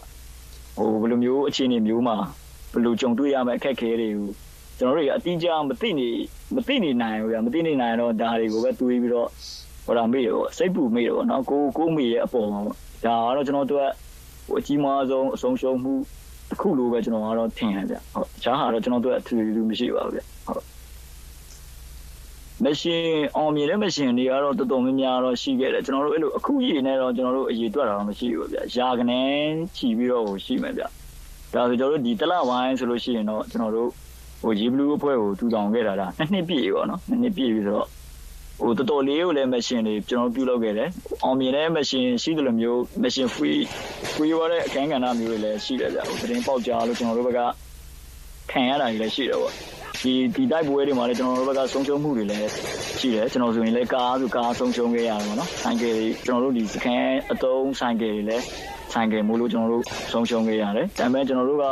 ဟိုဘယ်လိုပြန်တွေးလိုက်လဲဆိုတော့ဒါအလုံးလုံးနေတဲ့ဖြစ်တယ်အလုံးလုံးတဲ့အပေါ်မှာဖြစ်သွားတဲ့အတွက်ကြောင့်မို့လို့ဟိုကျွန်တော်တို့တွေကဒီလိုပဲပြန်ပြီးတော့ ပြန်ဖြေတယ်ပေါ့နော်အကောင်းဆုံးဖြစ်အောင်ဘယ်လိုပြီးတော့ဟိုပြန်ပြီးစွမ်းဆောင်ရမလဲရန်သူကိုဘယ်လိုပြန်ပြီးတော့ခြေပရမလဲတော်လှန်ရမလဲပေါ့နော်ဒါတွေကိုပဲကျွန်တော်တို့ဟိုနေ့စဉ်နေ့နဲ့ညပြန်ပြီးတော့ပြန်သုံးတက်တယ်ပြန်တွေးတယ်ပေါ့နော်အကောင်းဆုံးဒီမရှင်တွေကိုဖော်ဆောင်ဖို့အတွက်ပဲကျွန်တော်တို့အမြဲတမ်းတွေးခေါ်နေရတယ်ပေါ့ဟုတ်ကဲ့ကျွန်တော်တို့ကတော့လက်ရှိပြည်သူလူထုဒါကုညီတဲ့ပတ်ဝန်းမှုတွေနဲ့ပဲကျွန်တော်တို့တွေကရက်တည်နေရတဲ့အတွက်ကြောင့်မို့ကျွန်တော်တို့ကရဝအထားဆုံးအရာတွေကတော့ဒီချိန်မှာတော့ပြည်သူလူထုပဲဗျ ဟိုပြည်သူလူထုဘက်ကကျွန်တော်တို့ကိုပေါ့နော်အမြဲတမ်းခုလိုမျိုးဒါ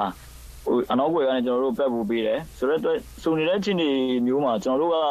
ဟိုပြည်သူလူထုဆိုရင်တော့အမြဲတမ်းကျွန်တော်တို့ကိုးကွယ်တယ်ဗျပြည်သူလူထုတွေကအာဒီအောင်မကောင်းဒီလိုမလုပ်နဲ့ဆိုလဲကျွန်တော်တို့ရှောင်တယ်မလုပ်ဘူးပေါ့နော်ဒီပုံစံမျိုးပေါ့ဟိုမက်ရှင်တွေပြုလုပ်မဲ့နေရာမျိုးတွေဆိုရင်တော့မှပြည်သူလူထုထိခိုက်မဲ့ပုံစံမျိုးဆိုရင်တော့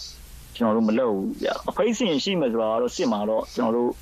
အစကလေးကတော့နားလေတယ်ပေါ့နော်စစ်တိုင်တော့အဖိတ်စင်ကတော့ရှိမှာပဲဒါပေမဲ့ဒီလိုအဖိတ်စင်တွေကင်းဝေးအောင်ပေါ့နော်ပြည်သူလူထုမထိခိုက်အောင်ပဲကျွန်တော်တို့အမြဲတမ်းချိန်နေဟိုမက်ရှင်တွေမှာဆိုလို့ရှိရင်ပေါ့အကယ်၍ပြည်သူလူထုတွေကြားညှက်ပြီးပါအမဲ့ပုံစံမျိုးနဲ့မှကျွန်တော်တို့ဒီစစ်ကောင်စီကိုတော်လှန်နေရမယ့်ပုံစံမျိုးဆိုလို့ရှိရင်လည်းအဲ့လိုမျိုးအဲ့လိုအခြေအနေမျိုးမှာကျွန်တော်တို့ machine free ရတဲ့အပိုင်းတွေကိုလည်းအများကြီးနောက်ဆုတ်လာတဲ့အပိုင်းတွေလည်းအများကြီးရှိတယ်ပေါ့ဗျ ပြည်သူကိုတော့အမြဲတမ်းအားကိုးတယ်ကျွန်တော်တို့တွေကနောက်တစ်ခုကပြည်သူတွေနဲ့လည်းအမြဲတမ်းတက်တိုင်ပင်ပင်ရှိတယ်ဗျဟုတ်ပြည်သူတွေမကြိုက်တဲ့အရာမျိုးဆိုလည်းကျွန်တော်တို့တွေကတော့ဘာမှမလုပ်ဘူးနောက်တစ်ခုကဂျားထဲမှာပြည်သူတွေကပေါ့နော်ကျွန်တော်တို့ဒီဟိုအခက်အခဲဖြစ်နေတဲ့အရာမျိုးတွေပါတယ်ရှိနေတယ်ဆိုရင်တော့မှကျွန်တော်တို့ဝိုင်းဝန်းဖြည့်ရှင်းပေးတဲ့အပိုင်းမျိုးတွေလည်းရှိတယ်ဗျဟုတ်ကဲ့ပါတော်လည်းရင်းနဲ့မပတ်သက်နေတဲ့သူတွေကတော့ဟိုရှိကောင်းလည်းရှိမှာပေါ့ဗျာမရှိရင်လည်းမရှိဘူးပေါ့နော်ဒါပေမဲ့ဒီချင်းတွေမျိုးမှာတော့တော်လည်းရေးကိုဟ ဒါဟိုခေါင်းထဲမှာထည့်ထားပေးပါနော်ဟိုစိတ်တနေရာလောက်မှာတွေးတွေးထားပေးပါဦးဗျာဘာလို့လဲဆိုတော့တော်လန်ရေးဆိုတာကလည်းဒါတနိုင်ငံလုံးအရေးနဲ့တက်ဆိုင်နေတဲ့အရာဖြစ်နေတဲ့အတွက်ကြောင့်မို့အပျော်ပါးလေးတွေလည်းရှော့ကြပါဘောနော်အပျော်ပါးလေးတွေလည်းရှော့ပါနောက်တစ်ခုကလည်းအဲမျိုးဒီစီသတင်းတွေကိုလည်းအမြဲတမ်းနားထောင်ပါတီးကြမဲ့သတင်းအချက်လက်မျိုးတွေခိုင်လုံမဲ့သတင်းမျိုးတွေကိုလည်းအမြဲတမ်းနားဆွေးပါဘာလို့လဲဆိုတော့ဒီတကယ်လည်းမြို့သိမ်းပွဲတွေဘာတွေကြီးကြီးမားမားဒါဖြစ်လာခဲ့တဲ့ခါကျရင်လည်း ဟိုပြည်သူလူထုတွေအနေနဲ့ပေါ့ဗျအဲ့လိုမျိုးအမြဲတမ်းသတင်းတွေအစမပြတ်နားထောင်တဲ့ခါကျရင်ဒါဘလို့ဘလို့ကြိုတင်ကာကွယ်ရမလဲဘလို့ကြိုတင်ရှောင်သိမ်းရမလဲဆိုတဲ့ပုံစံမျိုးကိုလည်းပို့ပြီးတော့သိနေနိုင်တယ်နောက်တစ်ခုကကျွန်တော်တို့အနေနဲ့ဒါပြည်ဟိုတော့တော်နယ်ရေးကိုအမြဲတမ်းစိတ်ဝင်စားရှိနေတဲ့ပြည်သူတွေကိုပြောချင်တာကတော့ကျွန်တော်တို့တွေဒီ2024မှာအကောင်းဆုံးကြိုးပမ်းရမယ်နေပြီးတော့အများကြီးအများကြီးကျွန်တော်ဘက်ကပြင်ဆင်ထားတာတွေရှိတယ်ပေါ့ဒီကြားထဲမှာကျွန်တော်တို့ matching နားနေတယ်နားနေတယ်ဆိုရင်တော့မှကျွန်တော်တို့တွေ ဒီနားနေတဲ့အနောက်ကွယ်မှာဟိုအများကြီးစစ်စစ်နဲ့ပတ်သက်တဲ့အရာတွေပေါ့နော်ကျွန်တော်တို့ဝယ်ယူစုဆောင်နေတယ်အကောင်းဆုံးတိုက်ပွဲဝင်သွားမယ်လို့ဒါတီတီလူထုကိုကျွန်တော်ခွန်အားတရက်ဖြစ်စေချင်ပါတယ်ဒီကနေအသိပေးချင်ပါတယ်ခင်ဗျာဟုတ်ကဲ့ပါမွန်ဒေတာကာကွယ်ရေးတပ်ဖွဲ့ခေါင်းဆောင်ပြောပြပေးသွားတဲ့သူတို့ရဲ့လက်ရှိအခြေအနေပဲဖြစ်ပါတယ်။နောက်တစ်ပတ်မှာလည်းဒီစီစဉ်မှာဘယ်သူတွေပါဝင်ကြမလဲဆိုတာကိုစောင့်မျှော်ကြည့်ရှုပေးကြပါခင်ဗျ။ခီးသောအစီအစဉ်ကိုမတင်ပြမီအခုတော့အမေရိကန်နိုင်ငံရေးကိုဆက်လက်တင်ပြပါမယ်။ ယူကရိန်းကိုရုရှားဘက်ကစစ်ရေးအရတိုးပြီးထိုးစစ်ဆင်လာတာတွေကိုဟန့်တားဖို့ယူကရိန်းဘက်ကလိုအပ်နေတဲ့လက်နက်တွေထောက်ပံ့ရေးအတွက်အရေးပေါ်လိုအပ်နေတဲ့အခြေအနေကိုတနင်္ဂနွေနေ့ကဥရောပမှာရောအမေရိကန်မှာပါအရေးတကြီးဆွေးနွေးခဲ့ကြပါတယ်။တချိန်တည်းမှာလူတွေအတိဒုက္ခရောက်နေတဲ့အခြေအနေအဆုံးသတ်ဖို့ပဋိပက္ခကိုငြိမ်းချမ်းစွာအဖြေရှာဖို့တောင်းဆိုတာတွေကလည်းရှေ့တန်းကိုရောက်လာနေပါတယ်။ Veronica Balderas Iglesias သတင်းပေးပို့ထားတာကိုကိုသိန်းထိုက်ဦးက ပြောပြပါပါခင်ဗျာ။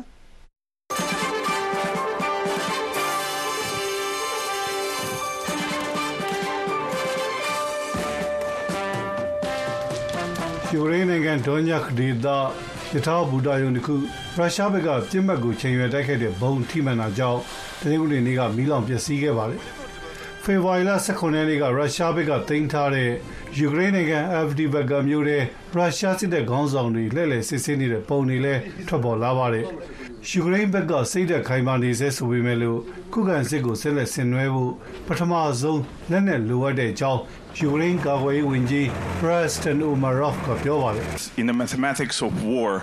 တင်ချာနီးရပဲစီးရေးကိုပြန်တွက်ကြည့်ပါစီးပွားရေးကိုကြည့်ရင်သူတို့ဘက်ကစီးပွားရေးကဒေါ်လာ1ထရီလီယံလောက်ရှိတဲ့စီးပွားရေးပါအခြေခံအားဖြင့်ကျွန်တော်တို့ကိုပေးထားတဲ့ဂရိကိုတွေအတိုင်းအချိန်မီမလုံနိုင်ကြဘူးဆိုရင်ကျွန်တော်တို့ဘက်ကလူတွေတည်ဆုံးမယ်နေမြေတွေဆုံးရှုံးပါလိမ့်မယ်အမေရိကန်မျိုးသားလူမျိုးရေးဂျမ်ဘေးဂျိတ်ဆူလီဗန်ကတော့ ABC ရုပ်သံနဲ့မေးမြန်းခန်းမှာလောလောဆယ်အမေရိကန်အောက်လွှတ်တော်မှာရှေ့တိုးလို့မရဘဲရပ်နေတဲ့ယူကရိန်းကိုဒေါ်လာဘီလီယံ62တန်းကူညီပေးရေးဥပဒေချမ်းအောက်လွှတ်တော်မှာမဲခွဲဖို့ အမေရိကန်အောက်လွှတ်တော်ဥက္ကဋ္ဌ Mike Johnson ကိုတိုက်တွန်းနေပါတယ် Speaker Johnson if he put this bill on the floor အောက်လွှတ်တော်ဥက္ကဋ္ဌ Mike Johnson အနေနဲ့ဒီဥပဒေချမ်းကိုအောက်လွှတ်တော်မှာတင်ပြခဲ့မယ်ဆိုရင်ယူကရိန်းကိုကူညီရေးပါတီနှစ်ရပ်စလုံးကအခိုင်အမာထောက်ခံမဲပေးကြမှာပါအထက်လွှတ်တော်မှာလည်းဒီလိုထောက်ခံတာကိုကျွန်တော်တို့တွေ့ခဲ့ပြီးပါပြီလိုအပ်နေတဲ့ကြီးတွေဖြည့်ဆည်းပေးမယ်ဆိုရင်ယူကရိန်းအနေနဲ့ပြက်ပြက်သားသားရက်တီပြီးရုရှားကိုပြန်တိုက်နိုင်ပါလိမ့်မယ် ယူကရိန်းကိုရုရှားကျူးကျော်တိုက်ခိုက်ခဲ့တဲ့နှစ်နှစ်ပြည့်နေ့အပြီးအမေရိကန်မျိုးသားလူမျိုးရေးချန်ပေးဂျိတ်ဆူလီဗန်ရဲ့ပြောဆိုချက်ထွက်ပေါ်လာတာပါယူကရိန်းနိုင်ငံအတွက်စေတနာဝန်ထမ်းကူညီလုပ်ကင်ပေးနေသူတို့ဖြစ်တဲ့ Absentia Lifechan Siva ကတော့အခုလိုသတိပေးပါတယ် Повіримо, що перемога за нами. Весь світ за nami. ကျမကတော့အောင်ပွဲရမယ်ဆိုတာကိုယုံတယ်။တကဘာလုံးကကျမတို့ကိုထောက်ခံနေတာ။တကယ်လို့ယူကရိန်းရှုံးနိမ့်ခဲ့ရင်နိုင်ငံတနိုင်ငံတည်းကိုတကဘာလုံးကရှုံးနိမ့်သွားတာမျိုးဖြစ်နေပါတယ်။ယူကရိန်းနိုင်ငံကခရင်းငယ်တွေကတော့စစ်ရဲ့ရိုက်ခတ်မှုဒဏ်အထန်ချက်တွေကိုပြင်းထန်ခံနေရပြီးတော်တော်များများခြေခွဲဝမ်းနေရတဲ့စိတ်ခံစားချက်တွေကြားကြောင်းနေလဲဆက်မတက်ကြတော့ပါဘူး။ တနင်္ဂနွေနေ့ကဗာတီကန်ဝိပုဆူတောင်းပွဲမှာပုပ်ရမင်းကြီး Francis ကအခုလိုမြေတားရက်ခံပါတယ် Supplico che si ritrovi quel po' တရားမျှတမှုနဲ့ရေရှည်တည်တံ့တဲ့ငြိမ်းချမ်းရေးကိုရဖို့တန်တမန်ရေးအရာအပြေရှားနိုင်တဲ့အခြေအနေကိုဖန်တီးနိုင်အောင်အနေချင်းပဲဖြစ်ဖြစ်လူသားချင်းစာနာထောက်ထားကြပါလို့မြေတားရက်ခံလိုပါတယ် ယူကရိန်းသမ္မတဗလာဒိုမာဇယ်လန်စကီကတော့လာမယ့်လတွေအတွင်းငြိမ်းချမ်းရေးအတွက်ထိပ်သီးဆွေးနွေးပွဲနှစ်ခုရှိတယ်လို့သတင်းစာရှင်းလင်းပွဲမှာပြောဆိုတာကြောင့်ငြိမ်းချမ်းရေးအတွက်မျှော်လင့်ချက်မှိန်ပြပြကိုတော့တွေ့နေရတဲ့အနေအထားဖြစ်ပါတယ် Перший саміт інаугураційний він ဒီနေ့ရတဲ့အချက်လက်အရလာမယ့်နွေဦးမှာပထမထိပ်သီးဆွေးနွေးပွဲအခွင့်ကျင်းပပါလိမ့်မယ်။တန်တမန်ရေးအရအရှိန်ရလာတဲ့အခွင့်ကောင်းကိုလက်လွတ်ခံလို့မရပါဘူး။ ဆွစ်ဇာလန်မှာ ဆွေးနွေးပါလိမ့်မယ်။ဒုတိယ ထိပ်သီးဆွေးနွေးပွဲကိုလည်း ဥရောပတိုက် တနေရာမှာ ကျွန်တော်တို့ ထပ်ဆွေးနွေးကြပါတယ်။ထိပ်သီးဆွေးနွေးပွဲက ရလာတဲ့ ငြိမ်းချမ်းရေး အခြေခံဆိုပြုချက်အားလုံးကို ရုရှားဘက်ကို တင်ပြမယ်လို့ ယူကရိန်းသမ္မတဗလော်ဒမာဇလန်စကီကပြောပါတယ်။ဒါပေမဲ့လည်း ရုရှားဘက်က ဒီဆိုပြုချက်တွေကို လက်ခံပါမယ်ဆိုတဲ့ အာမခံချက်တော့ မရှိတဲ့အကြောင်း သမ္မတဇလန်စကီကိုယ်တိုင် ဝန်ခံပြောဆိုထားကြပါခင်ဗျာ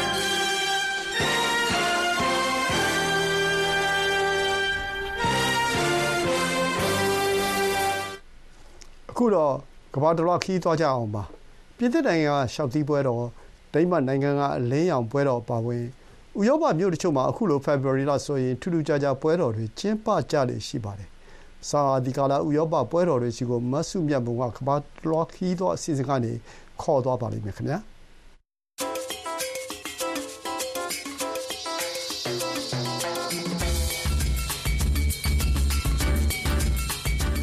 ဖေဖော်ဝါရီလဟာဥရောပမှာစောင်းရသီလဖြစ်ပေမဲ့ထူးခြားတဲ့နှစ်စဉ်ပွဲတော်တွေကိုမြို့တော်တော်များများမှာကျင်းပကြလေရှိပါတယ်။ပြင်သစ်နိုင်ငံတောင်ပိုင်းမြေထဲပင်လယ်နဲ့ဆက်နေတဲ့လှပတဲ့ပင်လယ်ကမ်းခြေမြို့တွေကမွန်တော်မြို့မှာလည်းနှစ်တိုင်းနာမည်ကျော်ရှောက်သီးပွဲတော်ကိုကျင်းပလာတာဒီနှစ်ကနှစ်90ပြည့်ဖြစ်ပါတယ်။ဥရောပမှာရတာအကောင်းဆုံးလို့စံချိန်တင်သတ်မှတ်ခံရတဲ့ရှောက်သီးတွေထွက်တဲ့မွန်တော်မြို့မှာရှောက်သီးပွဲတော်ကို1934ခုနှစ်ထဲကစတင်ကျင်းပလာခဲ့တာပါ ဒေသခံတွေကြားတိတ်ရေပန်းစားတဲ့ပွဲတော်ကိုကဘာလှည့်ဧည့်သည်တွေကိုဆွဲဆောင်နိုင်တဲ့ပွဲတော်တစ်ခုဖြစ်အောင်လို့မြို့တော်ဝင်ရှိသူတွေကစီစဉ်ခဲ့ရကရှောက်သီးပွဲတော်ရဲ့လို့1934ခုနှစ်မှာစတင်ပေါ်ပေါက်လာခဲ့တာဖြစ်ပါတယ်။ ဖေဖော်ဝါရီလမှာကျင်းပတဲ့မွန်တော်မြို့ကရှောက်သီးပွဲတော်ကိုတစ်နှစ်နဲ့တစ်နှစ်မတူတဲ့ခေါင်းစဉ်တွေနဲ့အလှပြအယုတ်ကြီးတွေကိုပုံဖော်လာခဲ့ကြပါတယ်။ Alors tous les ans on décline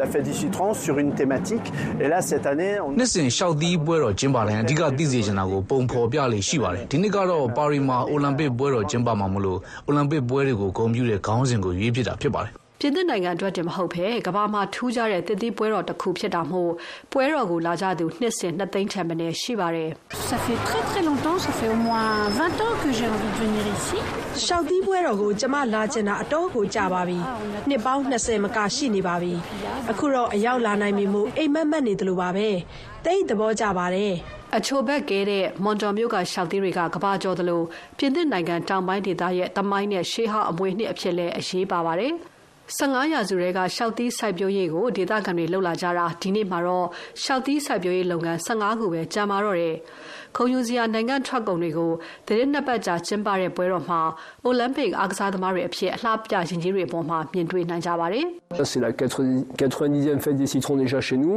ဒီနှစ်ကပွဲတော်ကျင်းပတာနှစ်60ပြည့်တဲ့နှစ်ပါ။ပြင်သစ်နိုင်ငံမှာအိုလံပစ်ပွဲတော်ကျင်းပတဲ့နှစ်ဖြစ်နေတာမို့အိုလံပစ်နဲ့သက်ဆိုင်တဲ့အလှပြရုပ်ကြီးတွေကိုအဓိကပုံဖော်ထားကြပါတယ်။ အခုလိုအရာမအယုတ်ကြီးတွေဖန်တီးနိုင်ဖို့ကျွမ်းကျင်သူတွေကရှောက်သီးလိမ္မော်သီးတန်ချိန်ရာနဲ့ချီကိုအသုံးပြုခဲ့ကြရပါတယ်။ La fête du citron, c'est 140 tonnes d'agrumes. ပွဲတော်မှာရှောက်သီးလိမ္မော်သီးစုစုပေါင်းတန်ချိန်140အသီးပေါင်း9သိန်းသီးပါသုံးပြီးတော့အယုတ်ပုံကြီးတွေကိုပုံဖော်ထားပါတယ်။သတင်းနှစ်ပတ်အတွင်းအချိန်ပြည့်မနာမနေပြင်ဆင်ခဲ့ကြတာပါ။ပွဲတော်ကိုသတင်းနှစ်ပတ်ကြာကျင်းပတာဖြစ်လို့အဲ့ဒီကာလအတွင်းမှာအသီးတွေပုံပြတ်မသွားအောင်အသေးချာမြန်မြန်ဆန်ဆန်ပြင်ဆင်ကြရတာဖြစ်ပါတယ်။ ပြင်သစ်နိုင်ငံမှာရာသီဥတုသားရပြီးတော့ကဘာလှည့်ဧည့်သည်တွေအပန်းဖြေဖို့လာလေကြားလေးရှိတဲ့နိုင်ငံတောင်ပိုင်းဒေသကမွန်တော်မြို့မှာထူးခြားတဲ့ရှောက်သီးပွဲတော်ကိုအခု2024ခုနှစ်မှာ February လ18ရက်နေ့ကနေ March လ3ရက်နေ့အထိကျင်းပတာဖြစ်ပါတယ်။ပွဲတော်ပြီးသွားတဲ့အခါမှာ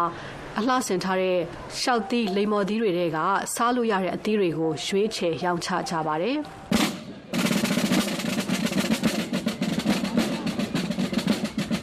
ပြင်သစ်နိုင်ငံနဲ့အိမ်နီးချင်းဖြစ်တဲ့ဆွစ်ဇာလန်နိုင်ငံမှာလည်းနှစ်ပေါင်းရာချီတဲကကျင်းပလာတဲ့ကာနာဗယ်ပွဲတော်တစ်ခုကိုဖေဖော်ဝါရီလ19ရက်နေ့ကနေ21ရက်နေ့အထိကျင်းပခဲ့ပါတယ်။ဆွစ်ဇာလန်နိုင်ငံရဲ့အကြီးဆုံးပွဲတော်ဖြစ်တယ်လို့ Protestant ဘာသာဝင်တွေရဲ့အထူးပွဲတော်ကိုဘာဆယ်မြို့မှာကျင်းပတာပါ။ ဆွစ်ဇာလန်နိုင်ငံအနောက်မြောက်ပိုင်းရိုင်းမြစ်ပေါ်မှာတည်ရှိတဲ့ဘာဇော်မြို့မှာဒီကာနာဗယ်ပွဲတော်နဲ့ပတ်သက်တဲ့အထောက်အထားတွေကို1386ခုနှစ်မှာတွေကစတင်တွေ့ရှိခဲ့တာဖြစ်ပါတယ်။ရိုးရာအစဉ်အလာအတိုင်းဝတ်စားဆင်ရင်ပြီးတော့သုံးရက်ကြာဆင်နွှဲတဲ့ Basel Carnival ပွဲတော်ကိုကုလသမဂ္ဂ UNESCO က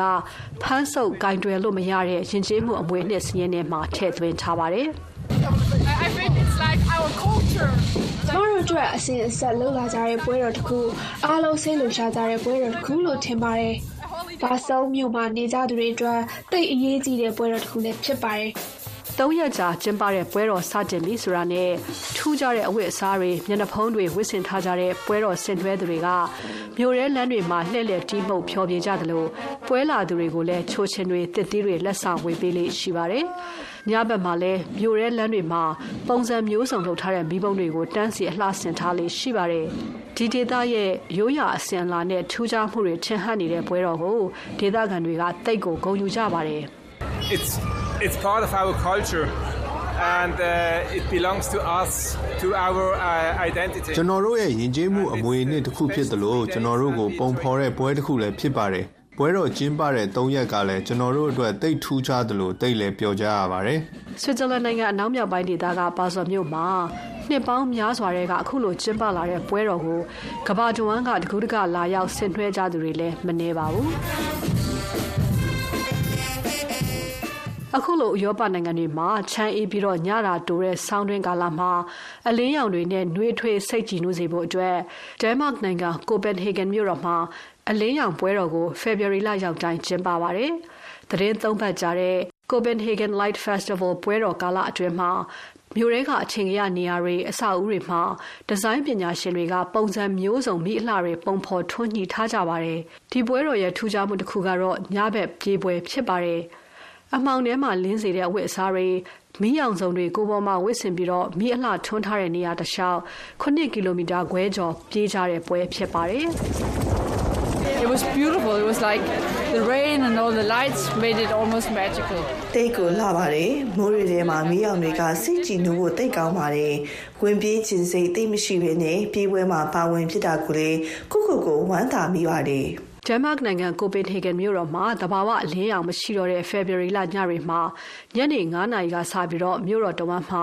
ဒီဇိုင်းအလှဖန်တီးထားတဲ့မီးရောင်တွေနဲ့ပွဲတော်ကာလလင်းထိန်တောက်ပနေပါတယ်။ ကမ္ဘာနိုင်ငံစုံကဒီဇိုင်းပညာရှင်တွေကမီးရောင်တွေသုံးပြီးတော့သူတို့မီးမောင်းထိုးပြခြင်းတဲ့သတင်းစကားတွေကို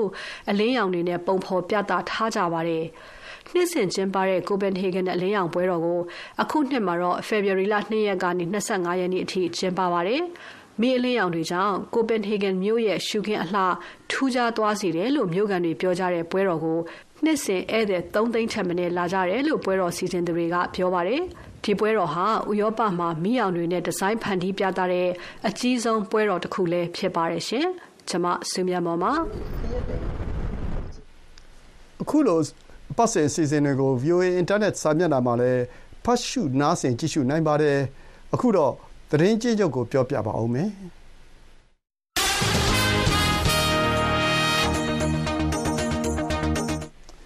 ရခိုင်ပြည်နယ်အတွင်းရခိုင်တပ်တော် AA နဲ့စစ်ကောင်စီတပ်တွေကြားတိုက်ပွဲတွေဆက်လက်ပြင်းထန်နေပြီးစစ်ကောင်စီကဘုံကျဲတိုက်ခိုက်ခဲ့တဲ့အတွက်စာတင်ကျောင်းနဲ့ဆေးရုံတွေပါဝင်အရက်ဖက်လူနေအဆောက်အဦတွေကိုထိမှန်ခဲ့တာကြောင့်ထိခိုက်သိဆုံးတာတွေရှိတယ်လို့ဒေသခံမျက်မြင်သက်သေတွေကပြောကြပါတယ်။အင်္ဂါနေ့စောပိုင်းကမင်းပြားမြို့နယ်သေကန်ကျေးရွာကို စစ်ကောင်စီက ဂျက်တိုက်လေယာဉ်တွေနဲ့ တိုက်ခိုက်ခဲ့တဲ့အတွက် စာသင်ကျောင်းတစ်ကျောင်းအပါအဝင် လူနေအိမ်တွေ ထိမှန်ခဲ့ပြီး ဒါဇင်နဲ့ချီ ဒဏ်ရာရရှိသွားခဲ့ပါတယ်လို့ မြင်လိုက်သူတွေက ပြောကြပါတယ်။ဒါအပြင် မင်းဘူးကျေးရွာမှာလည်း ဆေးရုံအပါအဝင် လူနေအိမ်တွေကို ထိမှန်ခဲ့လို့ ဆေးဝန်ထမ်းတွေ အပြင်းထန် ဒဏ်ရာရခဲ့ကြောင်းရခိုင့်တပ်တော်က ထုတ်ပြန်ပါတယ်။ ဂါဇာဒေသမှာတော့တိုက်ပွဲတွေဆက်လက်ဖြစ်ပွားနေပြီးပြီးခဲ့တဲ့တနင်္လာနဲ့အင်္ဂါနေ့တွေမှာအနည်းဆုံးလူ၁၀၀လောက်သေဆုံးခဲ့ပြီးလူ၁၅၀ဒဏ်ရာရရှိခဲ့တယ်လို့ပြောပါတယ်ကိုဝင်ဆောင်အမျိုးသမီးနဲ့ကလေးမိခင်တွေပါဝင်လူနာစုစုပေါင်း24ယောက်ကိုခါယူဒစ်မြို့မှာရှိတဲ့ဆေးရုံကနေပြောင်းရွှေ့ပေးခဲ့တယ်လို့ကုလသမဂ္ဂလူသားချင်းစာနာမှု UNOCHA ရုံးပြောရေးဆိုခွင့်ရှိသူ Jens Laerke ကအင်္ဂါနေ့ကပြောကြားပါတယ်။ ယူကရိန်းစစ်မှာတော့ရုရှားကဖမ်းဆီးထားတဲ့ယူကရိန်းစစ်သုံ့ပန်းတွေပြန်လွှတ်ရေးနဲ့ငြိမ်းချမ်းရေးအစီအစဉ်ပြောဖို့ယူကရိန်းသမ္မတ Volodymyr Zelenskyy အင်္ဂါနေ့ကဆော်ဒီအာရေဗျနိုင်ငံကိုရောက်ရှိသွားခဲ့ပါတယ်။ရုရှားအောက်လွှတ်တော်ဥက္ကဋ္ဌ Vek Volodin ရောက်ပြီးတဲ့နောက်တနေ့မှာပဲယူကရိန်းသမ္မတဟာဆော်ဒီအိမ်ရှေ့မင်းသားမိုဟာမက်ဘင်ဆယ်မန်နဲ့တွေ့ဆုံခဲ့တာဖြစ်ပါတယ်။ယူကရိန်းအဆိုပြုအစီအစဉ်မှာအချက်၁၀ချက်ပါဝင်ပြီးယူကရိန်းနယ်ထဲကရုရှားတပ်ထွက်ရေးနဲ့ရုရှားကျူးလွန်ခဲ့တဲ့စစ်ရာဇဝတ်မှုတွေအရေးယူရေးတို့ ပါဝင်ကြပါတယ်။ဒီနေ့ဗုဒ္ဓဟူးနေ့မနက်ခင်းအစီအစဉ်ထုတ်လုပ်ရေးမှူးကနန်းလောင်ပါ။ VOA အမေရိကန်အသံရုပ်သံရဲ့မနက်ပိုင်းအစီအစဉ်တွေကိုရေဒီယိုကလည်း၆နာရီကနေ၇နာရီထိလိုင်းဒိုမီတာ၃49တို့မှာလှိုင်းနမီတာ190နဲ့မှာလည်းဖမ်းယူနားဆင်နိုင်ပါတယ်။ VOA ရဲ့ YouTube နဲ့ Facebook စာမျက်နှာတွေကလည်းကြည့်ရှုနားဆင်နိုင်ပါတယ်။သောတာရှင်များနဲ့တကွမြန်မာပြည်သူအားလုံးဘေးအန္တရာယ်ကင်းကျန်းမာရွှင်လန်းကြပါစေ။